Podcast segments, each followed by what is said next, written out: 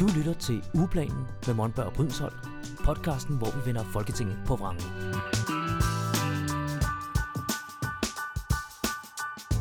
Velkommen til. Jeg hedder Michael Monberg og er ekstern dyrerettighedsordfører i Alternativet. Og jeg hedder Helene Lillendal Brydensholt. Jeg er medlem af Folketinget for Alternativet og har en række ordførerskaber, mm. som jeg ikke vil spille tiden på at ramse op nu. Nej, dem har vi snakket om tidligere. Øhm, jeg har taget nogle lovforslag med til dig i dag. Spændende. Ja, vi er jo tilbage på den gode gamle gænge, hvor vi snakker om nogle af de kommende lovforslag, der kommer ned i salen, og så skal vi prøve at gætte lidt på, hvordan det går med dem. Mm. Desværre var der ikke nogen af de gode, som skal tredje behandles næste uge. Så jeg har altså taget nogle, nogle første behandlinger med, og så må ja. vi gætte på, hvordan det så ender måske i næste uge igen. Øhm, men den tid, den sov. Men vi havde jo her, inden at øh, vi har jo haft et par øh, særafsnit, så havde vi jo et, øh, et beslutningsforslag, som du gennemgik for et øh, par uger siden, tror jeg det var. Michael, det er rigtigt, ja. Med, øh, med den der gasledning til, ja. øh, ned til sukkerfabrikken på Lolland Falster. Lige præcis. Ja, og der, øh, der var vi jo lidt i tvivl om SF Ja, lige præcis. Altså, vi, vi regner jo helt klart med, at den bliver stemt igennem. Hele det show der, det er ligesom kørt, og gravemaskinerne er jo i gang. Øh, rørene er ved at blive puttet i jorden og så videre. Ja. Øhm, men øh, den store joker, det var i virkeligheden SF, om de ville stemme for eller imod. Ja, og det var jo så Enhedslisten, Radikale Venstre og Alternativet, der havde stillet forslag om at sætte øh, det i bero, mm. projektet med at lave en gasledning ja. til Lolland Falster. Og kan du egentlig huske, hvad troede du? Du troede, at SF ville stemme det, imod, ikke? Jeg kan, faktisk, jeg kan faktisk ikke huske det, men jeg, altså min, mm, min umiddelbare fornemmelse, det er jo, at øh, SF, de, de bryster sig jo også af at være et grønt parti, så selvfølgelig er de imod en gasledning på, på Lolland Falster. Ja. Men, men jeg er også lidt i tvivl, fordi vi har jo set nogle takter fra dem tidligere, ja. blandt andet noget med Amagerfællet og andre ting, hvor de sådan lige pludselig har flippet over, og så har vi tænkt, nå, hvor kom det fra? Så spørgsmålet er jo, Helene. Ja, hvad tror du? Tror du, har fulgt du med i første behandling, hvor de holdt taler? Så du ved det ikke? Nej, jeg, jeg ved har... det simpelthen ikke. Jeg har ikke, jeg har ikke fulgt med i sagen. Okay, jeg har fulgt op på det. Ja. Jeg kan ikke helt huske, vi, jeg tror, at du stillede dig det ene sted, jeg stillede mig det andet sted. Mm. Så mhm. den ene af sagde, jeg tror, de stemmer for, og den anden sagde, jeg tror, de stemmer imod. Ja. Men jeg har fulgt op på det yes. her inden det her afsnit. Og dun, dun. det endte med, at SF ikke var for så, at det blev sat i bero. Så de vil gerne gennemføre den her gasledning. Ja, lige præcis. Ja. Og det, det, er, det er altså mystisk, at de, øh, de ligger sig der, men øh, mm, jeg synes, man har set lidt en tendens fra dem af, at de ligger sig op af, hvad, øh, hvad Socialdemokratiet vælger. Mm. Og det er også, øh, nu, nu kiggede jeg lige på, man kan inde på Folketingets hjemmeside, hvis man går ind under de enkelte, nu bliver det meget nørdet og teknisk, mm. men hvis man går ind under de enkelte forslag, lovforslag eller beslutningsforslag, så kan man, øh, så kan man faktisk få et referat af alt, hvad der er blevet sagt for de forskellige ordfører i hele behandlingen nede i Folketingssalen. Så jeg kiggede lige på, hvad, hvad sagde hun i sin tale, Sine Munk, som er deres klimaordfører i SF. Mm. Og øh, hendes argumenter for, at der skulle laves den her gasledning, det var også lidt det, du var inde på. Ikke? Det er, at man skal væk fra olie og kul, ja. som er det, der bliver brugt nu til sukkerproduktionen, mm. nede på Nordic Sugar. Øhm, og det vil øh, så hendes argumenter for ledningen var så også, at, øh, at det vil give bedre øh, grobund for mere biogas. Ja.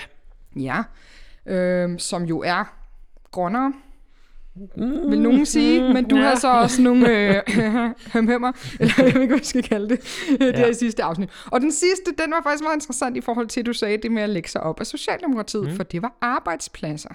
Oh, ja. Yeah. Ja, fordi at øhm, Nordic Sugar beskæftiger 350 personer, mm. og så er der så, så siger hun, der er 750, der leverer roer.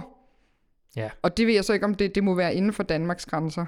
Jo, jo, jo. Øhm, altså, det er ja. jo det, det er rigtig meget nede på, på, på Lolland Falster, ja. man, man har roeproduktionen. Masser af roer på Lolland Falster. Ja, det er noget med ja. noget sandjord og sådan noget der. Præcis. Og så siger hun så også, at der er, der er tendenser til, at der kommer flere virksomheder på grund af den her ledning. Mm vil komme. Så det giver altså flere arbejdspladser, at man laver den her af hendes argument. Ja. Yeah. Øhm, og så vil jeg bare lige til sidst sige, fordi det var ret sjovt, hun sagde, nu har jeg ikke taget hele citatet med, men hun, hun, hun sagde, at det er god grøn pragmatisme. At både mm. sørge for den grønne omstilling og for arbejdspladser. Ja, men, men ah, ja, det er jo ikke grøn omstilling at bruge øh, gas, uanset hvor, hvor hulen det kommer fra. Altså, biogas kommer jo også et eller andet sted fra. Det er jo ikke noget, man bare hiver ud af luften. Det er mm. gylde, som er en meget sort industri, og så er det jo restprodukter ude fra marken, som vi kan bruge til alle mulige andre ting også. Mm. Øhm, så bare at sige, at, øh, at, at biogas er, er grøn, sådan helt selvstændigt, det er altså en, det er en sandhed med modifikationer, meget store modifikationer, vil jeg endda øh, våge at påstå. Ja. Også fordi biogasanlæg har et, øh, et ry for at, være utætte, så der slipper en stor mængde metan ud, og det er altså en rigtig skadelig klimagas. Mm. Og i virkeligheden, hvorfor ikke bare gå efter slutmålet? Slutmålet er jo, at alt skal elektrificeres, fordi ellers så kan det ikke komme på sol og vind og og eller atomkraft og hydro fra Norge og alt det andet øh, grønne mm. strøm, vi, vi, kan, vi kan frembringe. Mm. Så længe vi har en gasledning, så skal der puttes noget i, og så længe man ikke kan putte her, her jeg skulle til at sige, atmosfærisk luft ned i den, men man skal, skal, skal have det et sted fra, ja. så er det en, øh, så er det en, en mindre grøn industri. Ja. ja. Og det er jo meget sjovt det med elektrificeringen, hvis vi lige skal lave en sidste krølle, fordi mm. at uh, den gode Torsten Geil fra Alternativet, han var nede og stille en hulsmassen spørgsmål mm-hmm. under den her debat, kunne jeg se i referatet. Og der sagde han, fordi at de siger, SF og mange af de andre partier, der får det her rør, de bruger også som argument, at det vil ikke, Nordic Sugar har selv sagt, vi kommer ikke til at elektrificere. Mm. Og derfor må de så lave en gasledning ned til dem, fordi de kommer ikke til at elektrificere, siger de, og det er umuligt, siger virksomheden. Og der siger Torsten Geil så, okay, kunne man ikke bygge det her på lidt mere end en virksomhedsudtalelse? Ja. At, det, at de siger, at det kommer ikke til at ske, at det her det kan blive elektrificeret. Øh, fordi der er ikke, der er åbenbart ikke andre ting, det bygger på, at, at man så vil lave den her gasledning. Nej, og altså tidligere har de ikke været så stålsatte i, at de ikke ville elektrificere. Der var ja. det sådan, ja, vi vil helst have noget gas. Ja. El ville være... Vi, ja. Og der var, det var sådan noget med, at der manglede lidt erfaring i at drive så, så store anlæg øh, elektrisk og så videre, mm. hvilket jeg ikke helt forstår, fordi vi har jo altså øh, stålvalseværker og andet i Danmark, der er ren, øh, kører på ren øh, el. Ja, man kan så. i hvert fald sige, når der kommer et gasrør, så kommer de i hvert fald ikke til at elektrificere højst Nej, det, det gør de nok ikke. Så ikke når første rør er der, så, øh, så kan man i hvert fald skyde en hvid pil efter den elektrificering, ikke? Jo, det er det. Nå, og, og, ærgerlig bærgerlig, men det var så kun forslagsstillerne, Radikale Venstre Alternativ og ja, Ærgerlig bærgerlig. Vi hænger os lige i, i noget klimaskadeligt de næste 20-30 år. God grøn pragmatisme. ja. Øhm, nå, men det var, det var godt lige at høre der. Altså, ja. Jeg, ja, jeg, jeg kan jo godt forstå pragmatismen, men omvendt så er det bare et tosset lovforslag. Nå, mm. eller ikke... ikke øh, tosset projekt. Det er et tosset projekt, ja. ja. ja det, det burde have været stoppet for længst. Ja. Men uh, Helene, er der ellers ting, du skal lave nede i salen i den her uge her, eller skal vi hoppe direkte til nogle lovforslag? Ja, jeg kan da godt sige lidt. Nu optager vi jo her onsdag inden påsken, ja. så, øhm, så det der med at kigge på sin kalender øh, ugen efter man har været på ferie, det er sådan lidt øh, angstprovokerende på en eller anden måde. Men, øh, mm, hvordan men Åh, fordi nu vil jeg bare gerne på ferie, ikke? Så kan, jeg ikke, øh, så kan min hjerne ikke rigtig øh, overskue og forholde sig til alt det, jeg skal i ugen efter påske, og der er meget. ja, du, man kan jo sige det sådan, du bør jo tømme hjernen, når du skal til ferie, ikke? Fordi ja. ellers så kan du ikke slappe af. Det så, det. Øh, og så... det vil jeg også gøre. Ja. Så, øh, men jeg har sindssygt meget, og nu er jeg jo kommet jo tilbage her tirsdag, mm. og der har jeg en, to, i hvert fald tre lovforslag, jeg skal behandle nede i, øh, i Folketingssalen. Ja. Og øh, den ene, det er prins Joachims apanage, ja. som er stillet af statsministeren. Det andet, det er noget omkring efter, øh, efteruddannelse til folketingsmedlemmer, som mm. også kan være sådan lidt en... Øh, fordi det er jo altid det der, når det handler om folketingsmedlemmernes øh, gode vilkår, eller så kan det altid skabe lidt debat, så den er også lidt spændende, ja. øh, hvordan den lander. Og så til sidst har jeg også noget på folkeskoleområdet. Så der er, øh, der er lige tre gode øh, taler, jeg skal have skrevet til tirsdag, som ikke er blevet skrevet endnu, men jeg har Sådan. dog sat mig ind i det. Så, og ved på to af dem, hvordan vi skal stille os. Ikke? Ja. Øhm, så det har jeg. Og så har jeg simpelthen også, øh, hvis vi bare tænker kun ren folketingssal, så har jeg om torsdagen et øh, beslutningsforslag fra Dansk Folkeparti omkring at forbyde stormoskéer. Ja, Ja. hvordan forholder du dig lige til det? Og det er vist det er sådan en plade, der er gået i hak. Fordi det er vist, øh, det, er vist det, er det forslag, Dansk Folkeparti stiller sådan en gang om året. Mm. Så det, øh, den kommer til at ligge, fordi at det tog så lang tid at lave en regering, så er der virkelig, virkelig mange lovforslag og beslutningsforslag, der skal mm. nås at komme igennem Folketingssalen, inden ja. at øh, den lukker.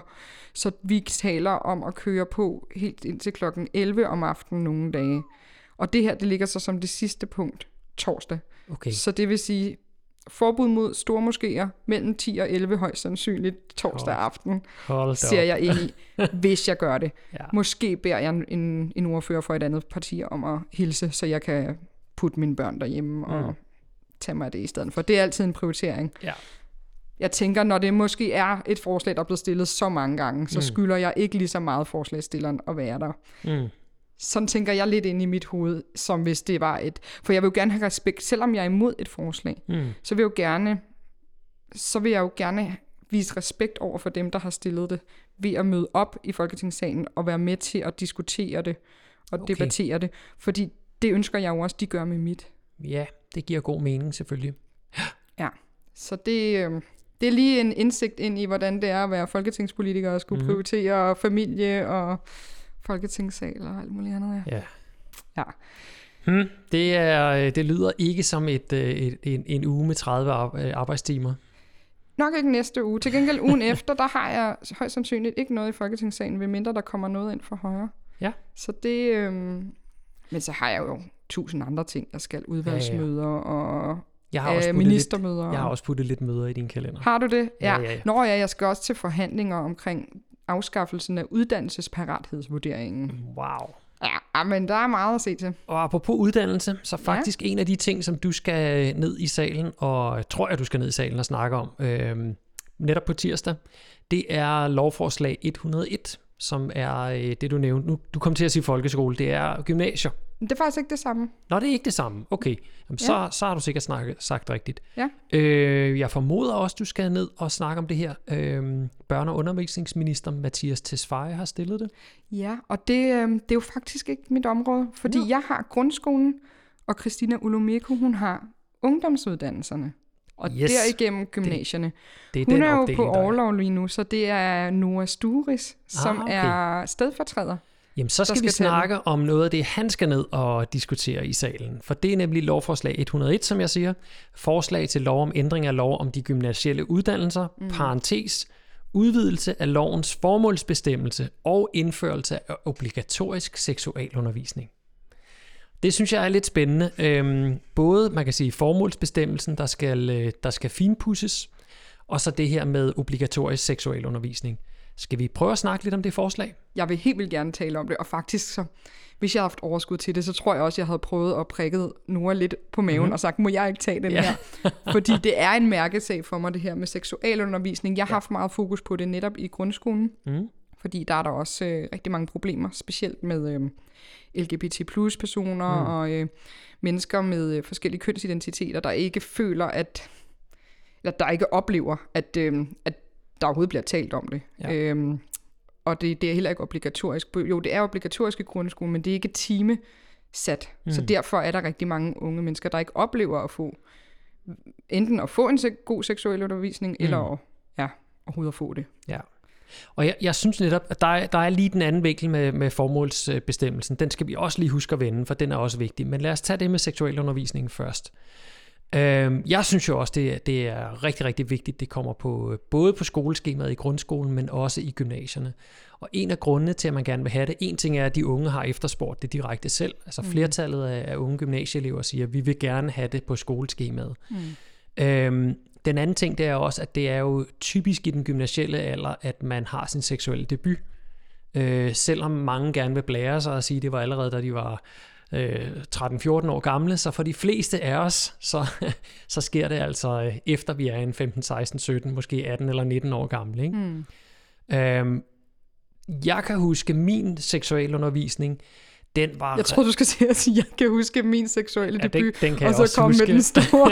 Men- men, nej, din seksuelle undervisning, undskyld. Ja, min seksuelle debut er der ikke meget at fortælle om. Øhm, min, min, den seksuelle undervisning, jeg modtog, den synes jeg var, var relativt... Øh, ja, dem, dem, der manglede en masse. Der, vi havde en eller anden klassisk bog, jeg har glemt, hvad den hedder, øh, med en dreng og en pige, og så pillede de lidt ved hinanden, og man så en tissemand, og, og så skulle vi prøve at putte et kondom på sådan en flamingo-diller øh, og sådan noget der. Øh, der manglede... Altså, den var meget fokuseret på det fysiske. Her er der en tissemand, her er der en tissekone.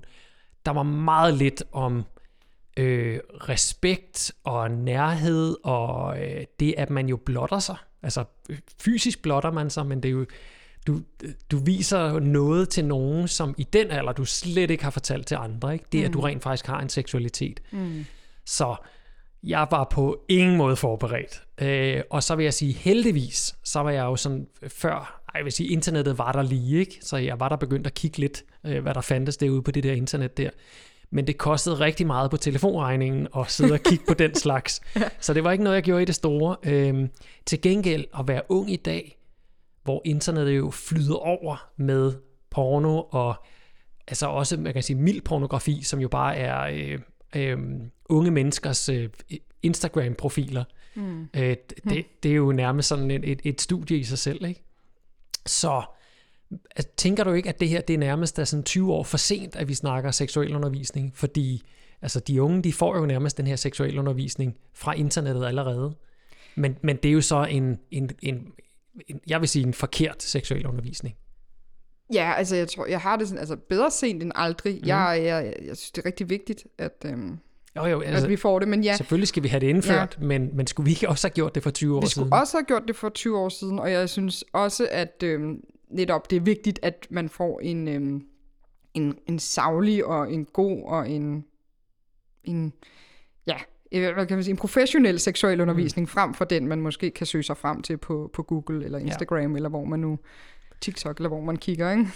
Ja, altså man- der ligger sikkert også meget sagligt og fagligt, men, men der ligger altså også mm. diverse hjemmesider, som, som, som, ja. hvor det ikke er meget undervisning, men hvor det er mere bare sex. Ikke? Jo. Um, Men det er jo også noget med det der med at have en underviser i et øh, lokale, men det er så noget andet, mm. øh, hvis jeg lige må, må Ja. skyde det ind. Fordi en ting er at gøre seksualundervisning obligatorisk. mm-hmm. Noget andet er så kvaliteten af den seksualundervisning, ja. man så får. Og øh, nu talte du lidt om din seksualundervisning. Jeg kan huske min, det var en eller anden... Øh, en kvinde op i alderen, mm.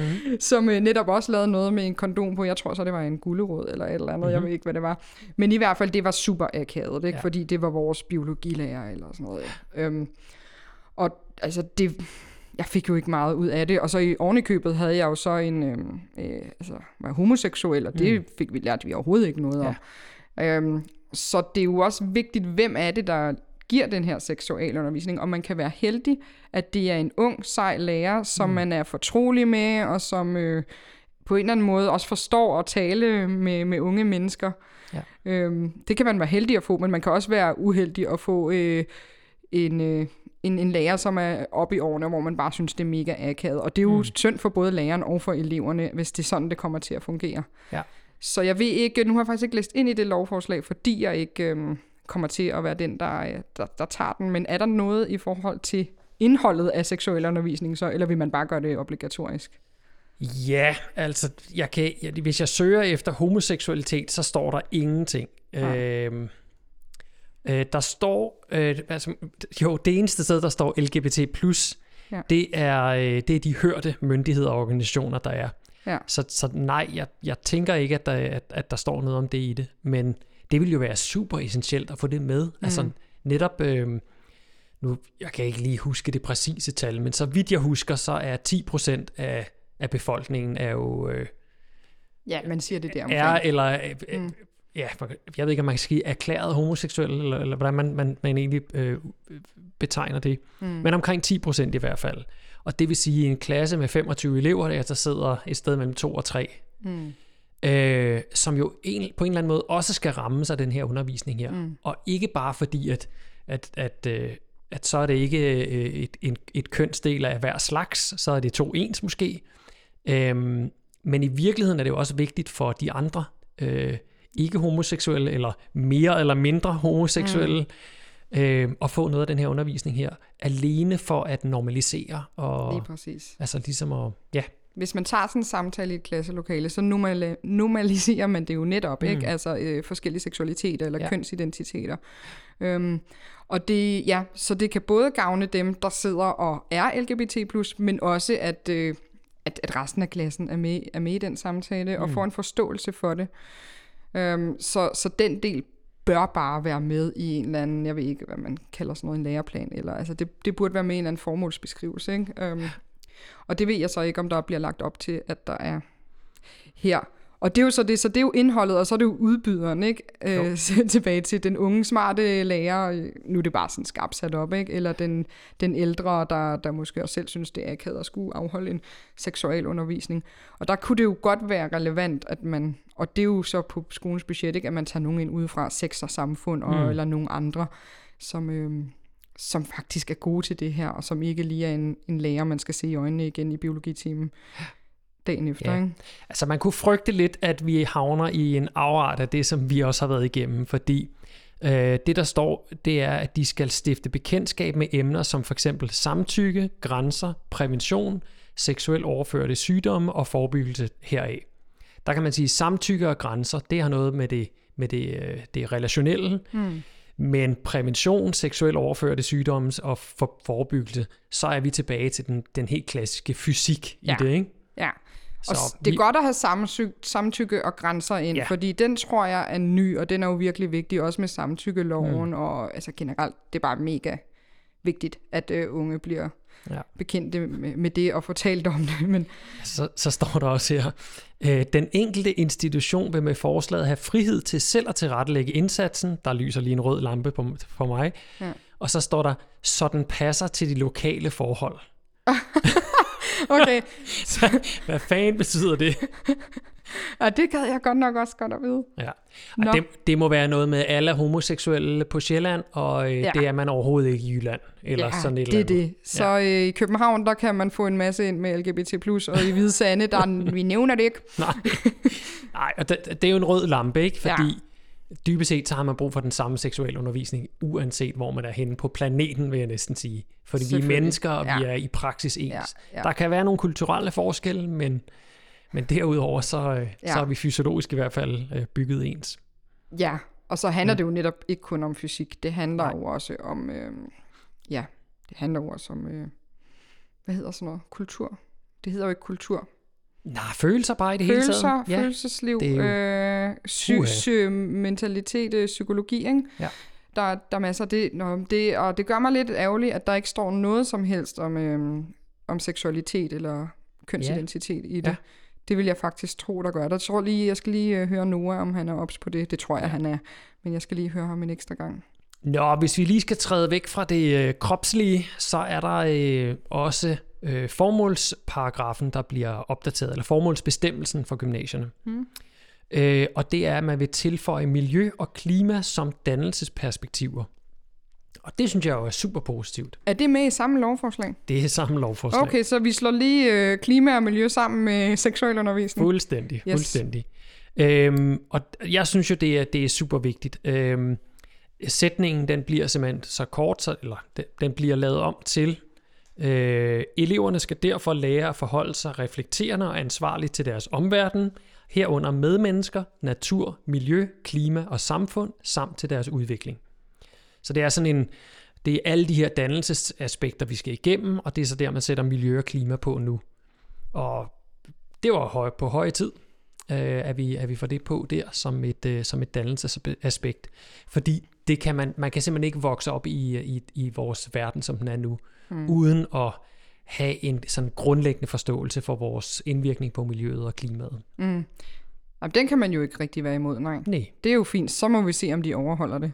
ja. Bare fordi det står i en eller anden paragraf, som man engang har læst. Men det er jo Ja. fint, at, øh, at den kommer ind. Det er så sjovt, det der med, at de slår flere ting sammen i et lovforslag, ikke? Jo, men det er jo fordi, de er nede og pille i én lov, Ja, og, så, og der er to ændringer i loven, og så behandler man det på samme tid. ja. Men det kan sagtens være, der kommer sådan nogen som Dansk Folkeparti, der ikke vil have seksuel undervisning, Mhm. mm-hmm. men måske gerne vil være med på det der klima. Det ved jeg så ikke, om de også vil. Men lad os nu bare tage dem som eksempel. Ja, ja. Øhm, og, så, og så siger de, og det, det er bare også lige for at forklare, hvordan praksis er herinde, så kan de godt komme og sige, vi vil gerne have delt det op i to afstemninger. Og så plejer alle at sige, fint. Mm. Hvis nogen gerne vil kunne stemme for det ene og imod det andet, når man har slået det sammen. Ja. Det havde jeg selv et eksempel på i, øhm, i sidste uge, hvor det var, det var så i udlændingeloven, hvor de slog seks ting sammen, hvor det ene handlede om Brexit, det andet handlede om modtagecenter, og det tredje handlede om statsborgerskab, og så videre. Mm. Og der, øh, der, var, der var vi også flere, der foreslog.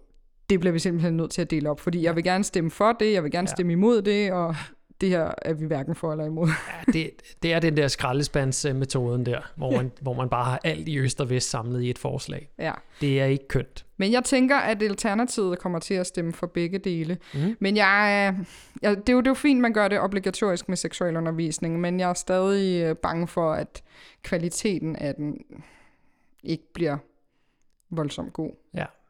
Der kan man selvfølgelig sige, når først det så står på, på skemaet, så må man så øve sig i, hvad der skal puttes ind. Altså som Men indhold. kommer det på skemaet? For er det bare obligatorisk, eller bliver det et fag på et skema? For der er også en forskel. der, altså, hvis vi lige tager paragrafen. Seksualundervisning skal, hvor det er relevant, indgå som en del af undervisningen. Undervisningen skal tilrettelægges, så eleverne opnår viden om og indsigt i seksualområdet og får mulighed for at reflektere herover.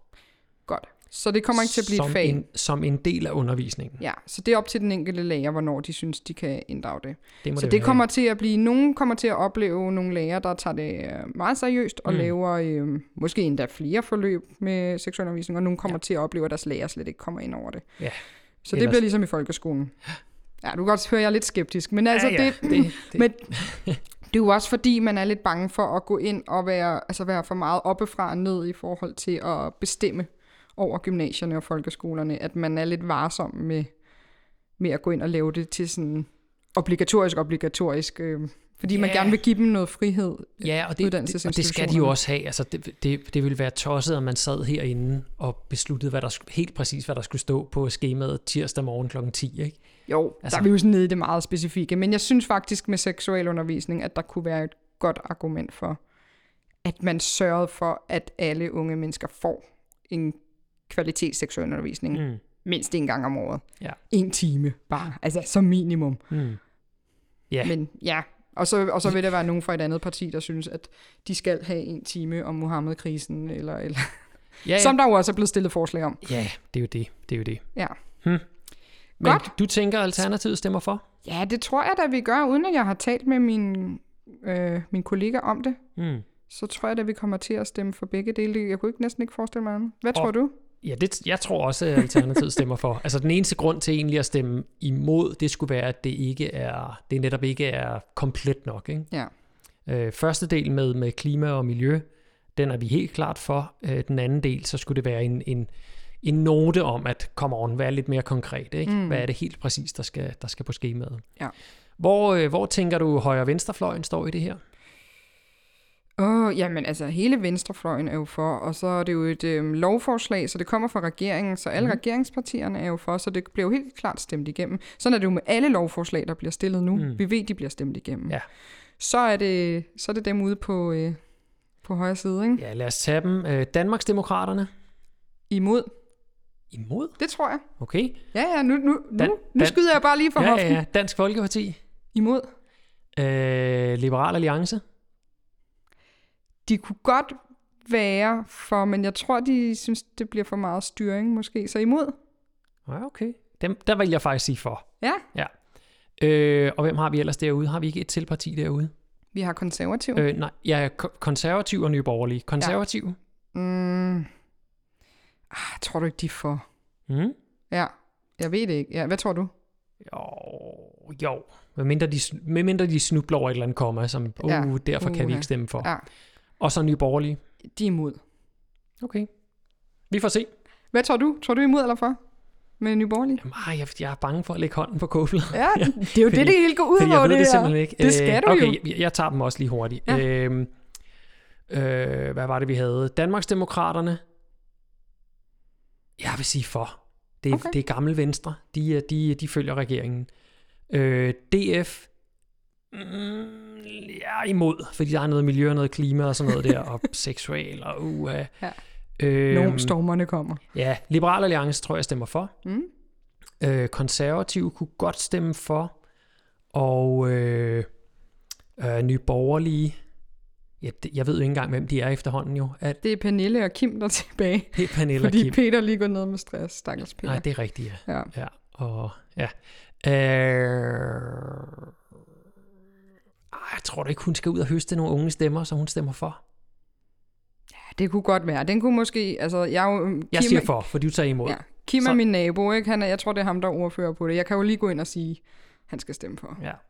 Nå, vi får altså først svaret senere, fordi at øh, lovforslaget, det er som sagt blevet fremsat, og øh, det er kun sat på dagsordenen til første behandling her på tirsdag. Øh, der er ikke, det er ikke sat til anden eller tredje behandling endnu, Nej. så det må vi finde ud af. Øh, Det kan være, at man kan lure det ud fra, hvad de siger fra talerstolen. Tit så Ja. siger, selv, selv under første behandling, så siger hver parti oftest, hvad de egentlig har tænkt sig at Ja, ja. stemme. Ja. Så man kan godt vide det der, hvis man gider at se med på Folketings TV eller læse referatet. ja, men vi kommer med konklusionen øh, i næste næste afsnit, eller Ja. noget i den stil. Det Så satser tager vi vi på. den derfra. Ja. Til alle jer, der har lyttet med, tusind tak, fordi I gad det. Og så øh, gå ind og øh, like og del lidt af Helenes opslag på sociale medier. Det har hun behov for. Øh, også så, I ved, så hun ved, at I, er der og bakker hende op. Yeah. Ja. Det var dejligt med noget reklame. Tak for det, Monberg. Det var så lidt. Vi lyttes ved derude. Det gør vi. Hej hej. Hej. Ugeplanen med Monberg og Brydensholt. Podcasten, hvor vi vender Folketinget på vrangen.